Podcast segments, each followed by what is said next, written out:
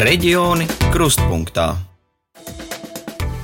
Ir produkti, kurus jau tagad vairs nevar atļauties, un ēdienkarte kļūst vienveidīgāka. Cenām turpinot augt, ar bažām tiek gaidīts rudens, vai jaunajā mācību gadā varēs izpildīt pat minimumu, gatavojot pusdienas skolāniem. Skolu ēdinātāji jau agrāk norādījuši, ka valstī noteiktā pusdienu dotācija 1,42 eiro 1 līdz 4 klašu skolāniem nav pietiekama.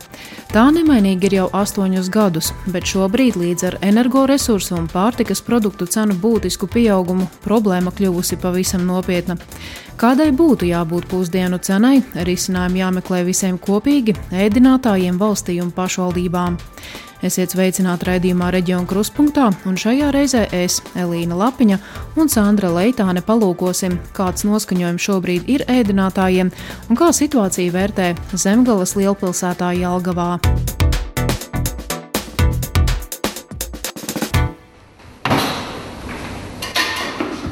Rīta pusē pārlielupas pamatskolas ēdama zāle 4. lielākajā pilsētā Jaugavā ir tukša. Tikmēr virtuvē jau kopš agra rīta rosās pavāra, lai pusdienās bērni saņemtu gardu un veselīgu maltīti.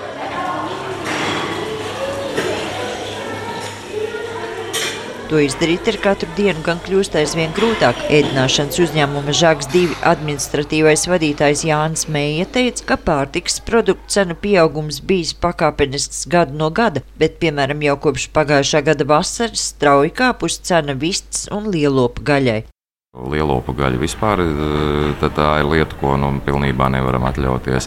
Bet tas jau bija, bija iepriekšējās indikācijas. Šobrīd uz šodienu jau pilnīgi visi graudaugiem produktu cena iet eh, jau salīdzinot tie paši griķi. Viņi jau ir vairāk par 100% jau ir, ir kāpums un tā tālāk. Un tā joprojām arī tie paši dārziņi, dārziņiem jau ir simtprocentīgs eh, kāpums. Un kas būs tālāk, godīgi sakot, eh, nezinām. Uzņēmums ēdināšanu nodrošina aptuveni 60 skolās - Rīgā, Jaugavā, Cēsīs, Salaspilī un citviet, un ir arī izglītības iestāžu ēdinātāju asociācijas valdes pārstāvis. Kā skaidro Jānis Meija, pie pašreizējā energoresursu un pārtiks cenu kāpuma, nemainoties pusdienām atvēlētajai naudas summai, minimums no ministru kabineta noteikumos prasītā tiekot izpildīts tikai pateicoties Covid pandēmijai. Kā glābiņš šajā situācijā, tas bija ministra kabineta 172. noteikumu e, pagaidu regulējums, e, kad daļa epidemioloģiskās situācijas, kad e, šos, šo un iepriekšējo mācību gadu mēs bijām tiesīgi dot pretēji ministra kabineta noteikumos noteiktajiem diviem ēdieniem, mēs drīkstējām dot vienu silto ēdienu. Tas, jā, tas šajā situācijā mums bija faktiski kā tāds glābiņš, jo par eiro 42 atbilstoši pilnā apjomā kad tas ir otrais ēdiens un zupa, piemēram, ja, nu, tas, protams, tas nav iespējams. No noteiktās pusdienu cenas pusi dotē valsts pusi pašvaldība, tāpēc Izglītības iestāžu ēdinātāju asociācija kopā ar Latvijas ēdinātāju apvienību aicina gan ministrijas, gan pašvaldības piešķirt papildu finansējumu, lai bērniem nodrošinātu prasībām atbilstošu ēdienu. Gan asociācijā, gan ēdinātāju apvienībā saka, ka šobrīd izjūt sekas tam, kas nav ticis risināts gadiem. Apvienības valdes loceklis Guntis Bredovskis piebilst, ja katru gadu būtu veikta cenas indeksācija, pieliekot klāt dažus centus, šobrīd tā problēma nebūtu tik liela. Principā mēs esam uz robežas, kad bezmaz noteikumus mēs spiesti neievērot, jo mēs nevaram viņus ievērot, jo prasības ir pārāk augstas. Vai nu arī ja esam pilnībā vienkāršojuši ēdienkarti līdz tādam līmenim, kad jāēd viens un tas pats gandrīz, jāizslēdz ārā ir visu, visi, visi produkti, kuriem ir vislielākais eh, cenu kāpums. Eh, visi produkti, viņi paši par sevi ir eh, nu, dārgi, un nu, strādājam nu, tādā izdzīvošanas režīmā. Esam atlikuši jebkādus investīcijas, atjaunošanas projektus, ja, lai varētu vienkārši uz, uzlikt kaut ko uz šķīvi. Kādai būtu jābūt pusdienu cenai, šim jautājumam pievērsušies jau 2019. gadā, piebilst Guntis Bredovskis. Jau tad bija bažas, vai ar esošo finansējumu var izpildīt noteiktās prasības. Tika veikti aprēķini, arī no zemkopības ministrijas aprēķinu, un ir ministrijā starpziņojums, kad jau 2019. gadā šim pakalpojumam vajadzētu maksāt eiro 90. Veselības ministrija ir veikusi aprēķinus pagājušo gadu pētījumu pasūtījuši, un SPKC ir veicis pētījumu un izveidojis ēdienkartu, kas būtu mūsdienīga, daudzpusīga. Tad uh, pati veselības ministrija ir pateikusi, lai varētu iedot veselīgu, daudzpusīgu ēdienkarti, ir nepieciešams izēvielās eiro 45 līdz eiro 85, bet dotācija no valsts ir 71 cents.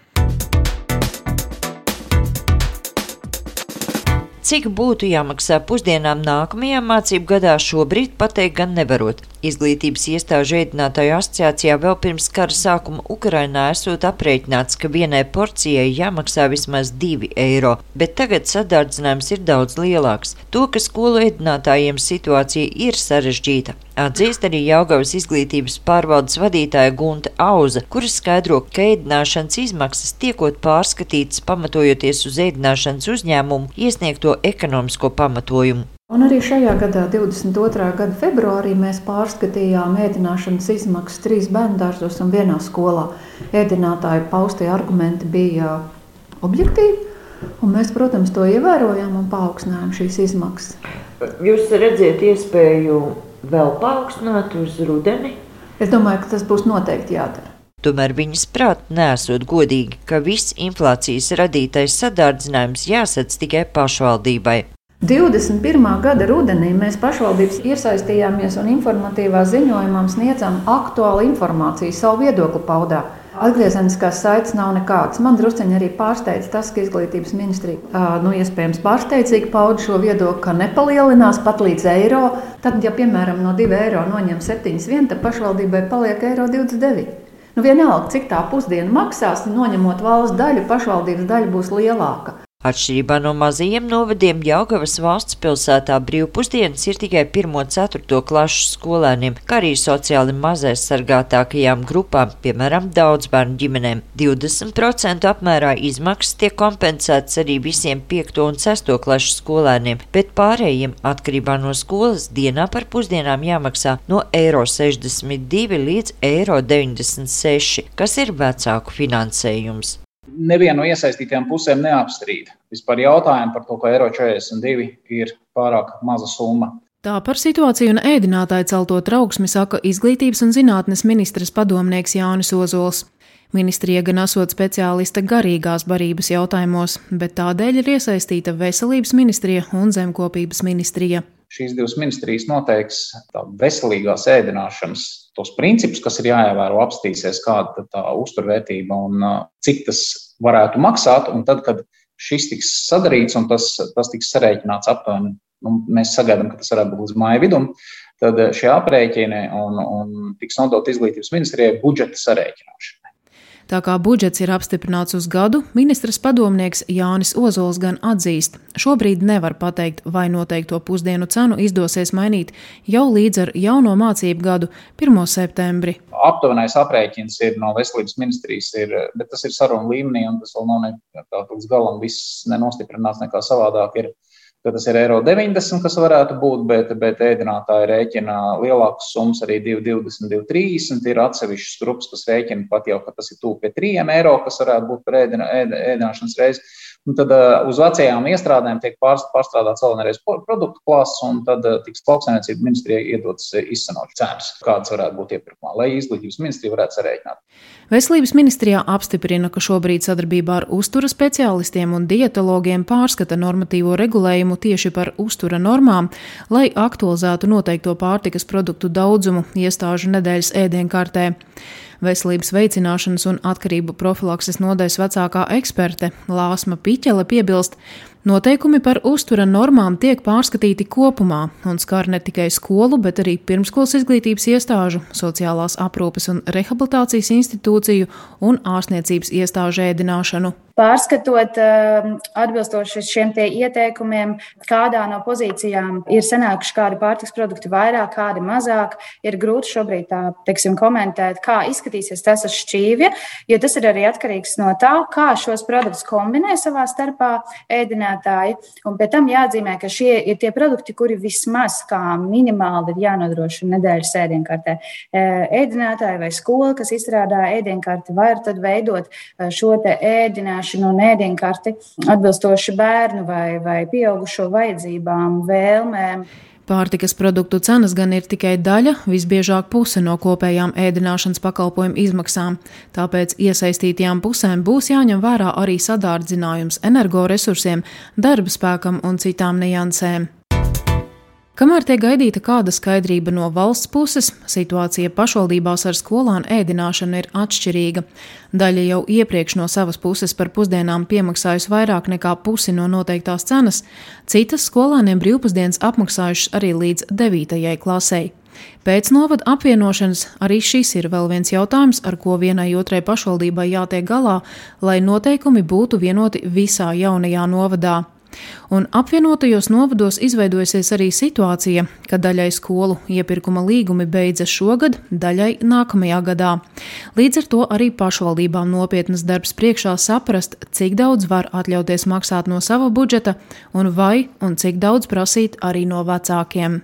Tā kā, piemēram, Jāgabā sākot no 5. klases vecāki paši maksā par skolēnu pusdienām, 5. un 6. klasē tie ir 80%, bet pārējām līdz 12. klasē 100% apmērā, kas atkarībā no skolas ir pat līdz 2 eiro, vēl vairāk, nemainot ēdienu kvalitāti, vecāki maksāt īsti nesot gatavi, stāstīja Augurs pārlielupas pamatskolas padomas pārstāvis Gatis Ozols. Protams, ja pusdienu kvalitāte būtu vēl augstāka. Un jāsaka, tā, ka mēs vēl ēdam diezgan vēsturiskā līmenī. Tā kā mēs ēdām skolā 20 gadus atpakaļ, tā diemžēl mums šobrīd tā pusdienu līmenis ir tāds pats. Jā. Bet, ja mēs runātu par tādu nākotnes vīziju, kur ir vairākas iespējas izvēlēties vairākus ēdienus, ja, jo viens bērns ēd vienu ēdienu, otrs otru. Ja, tad tādos gadījumos pat vecāki būtu gatavi piemaksāt, ja, un būtu gatavi piemaksāt. Es esmu pat dzirdējis, ja, kad no 50 centi līdz pat eiro 50. Ja. Lielupes pamatskolas direktors vietniece Viktorija Tihanova gan norāda, ka ne visiem vecākiem rocība ļaus ko piemaksāt, un jau pašreiz esot skolēni, kuri pusdienas nēd. Jo īpaši būs ar sociālā riska ģimenēm problēmas ja būs jāpiemaksā, jo ir atrunas aizmirsu, nepārskaitīju, naudiņa beidzās. Ja. Kā atzīst ēdināšanas uzņēmuma Žaks 2 administratīvais vadītājs Jānis Meija, ja palielinoties porcijas cenai samazināsies ēdāju skaits, problēma tik un tā paliks. Mēs arī uzskatām, ka nav samērīga arī šobrīd šī pozīcija, kad visu atstāt uz pašvaldību pleciem, ka tā ir pilsētas paša saimniecība ja, un pašiem ir jātiek galā. Nu, tā gluži tas nav, jo galu galā prasības izvirza valsts, un tad valstī ar šo kompensējošo starpību ir jānāk. Ja vecāku vidējais eh, vairums ir, eh, kas būtu gatavi maksāt šo eiro 50, tad, ja valsts nāktu ar finansējumu 1 eiro klāt, tie būtu jau 2 eiro 50, un šī jau ir cena, par kuru nu, tiešām jau, jau, jau mēs jau varam spēt. Jau, jau. Gan skola, gan vecāki, kā arī pašvaldību un ēdinātāji kategoriski iebilst pret iespējami lētāko variantu - pusdienām kastītēs, kuras sarūpējuši vecāki. Vislabprātāk visi gribētu, lai arī Latvija pārņem Igaunijas pieredzi, kur brīvpusdienas, ko solidāri apmaksā valsts un pašvaldība, būtu visiem skolēniem, kam obligāti jāapmeklē skola, tātad no 1 līdz 9 klasei. Jāpiebilst, ka Izglītības un zinātnes ministrijā vēl norāda, pārskatot pusdienu cenu, jāraugās, lai nauda tiktu izlietota liederīgi, ka ēdiens nenonāk atkritumos. Iesaistoties diskusijā gan ēdinātājiem, gan vecāku organizācijām, izskanējušas versijas gan par bufetes principu, gan disciplinējošu vecāku līdzmaksājumu un citas. Raidījumu pēc Latvijas radio viens pasūtījumu veidoja RTV Helīna Lapiņa un Sandra Leitāne, bet jau nākamajā nedēļā reģiona kruspunktā raidījumā Kurzemes kolēģi stāstīs, vai un kā izdodas nosargāt zivju resursus. Ik gadu upēs tiek ielaisti tūkstošiem mākslīgi audzētu zivju mazuļi, regulāri notiek arī reidi, lai mazinātu nelikumīgu makšķerēšanu un noteiktos upju posmos ievieš arī licencēto makšķerēšanu. Visu labu! Reģioni krustpunktā.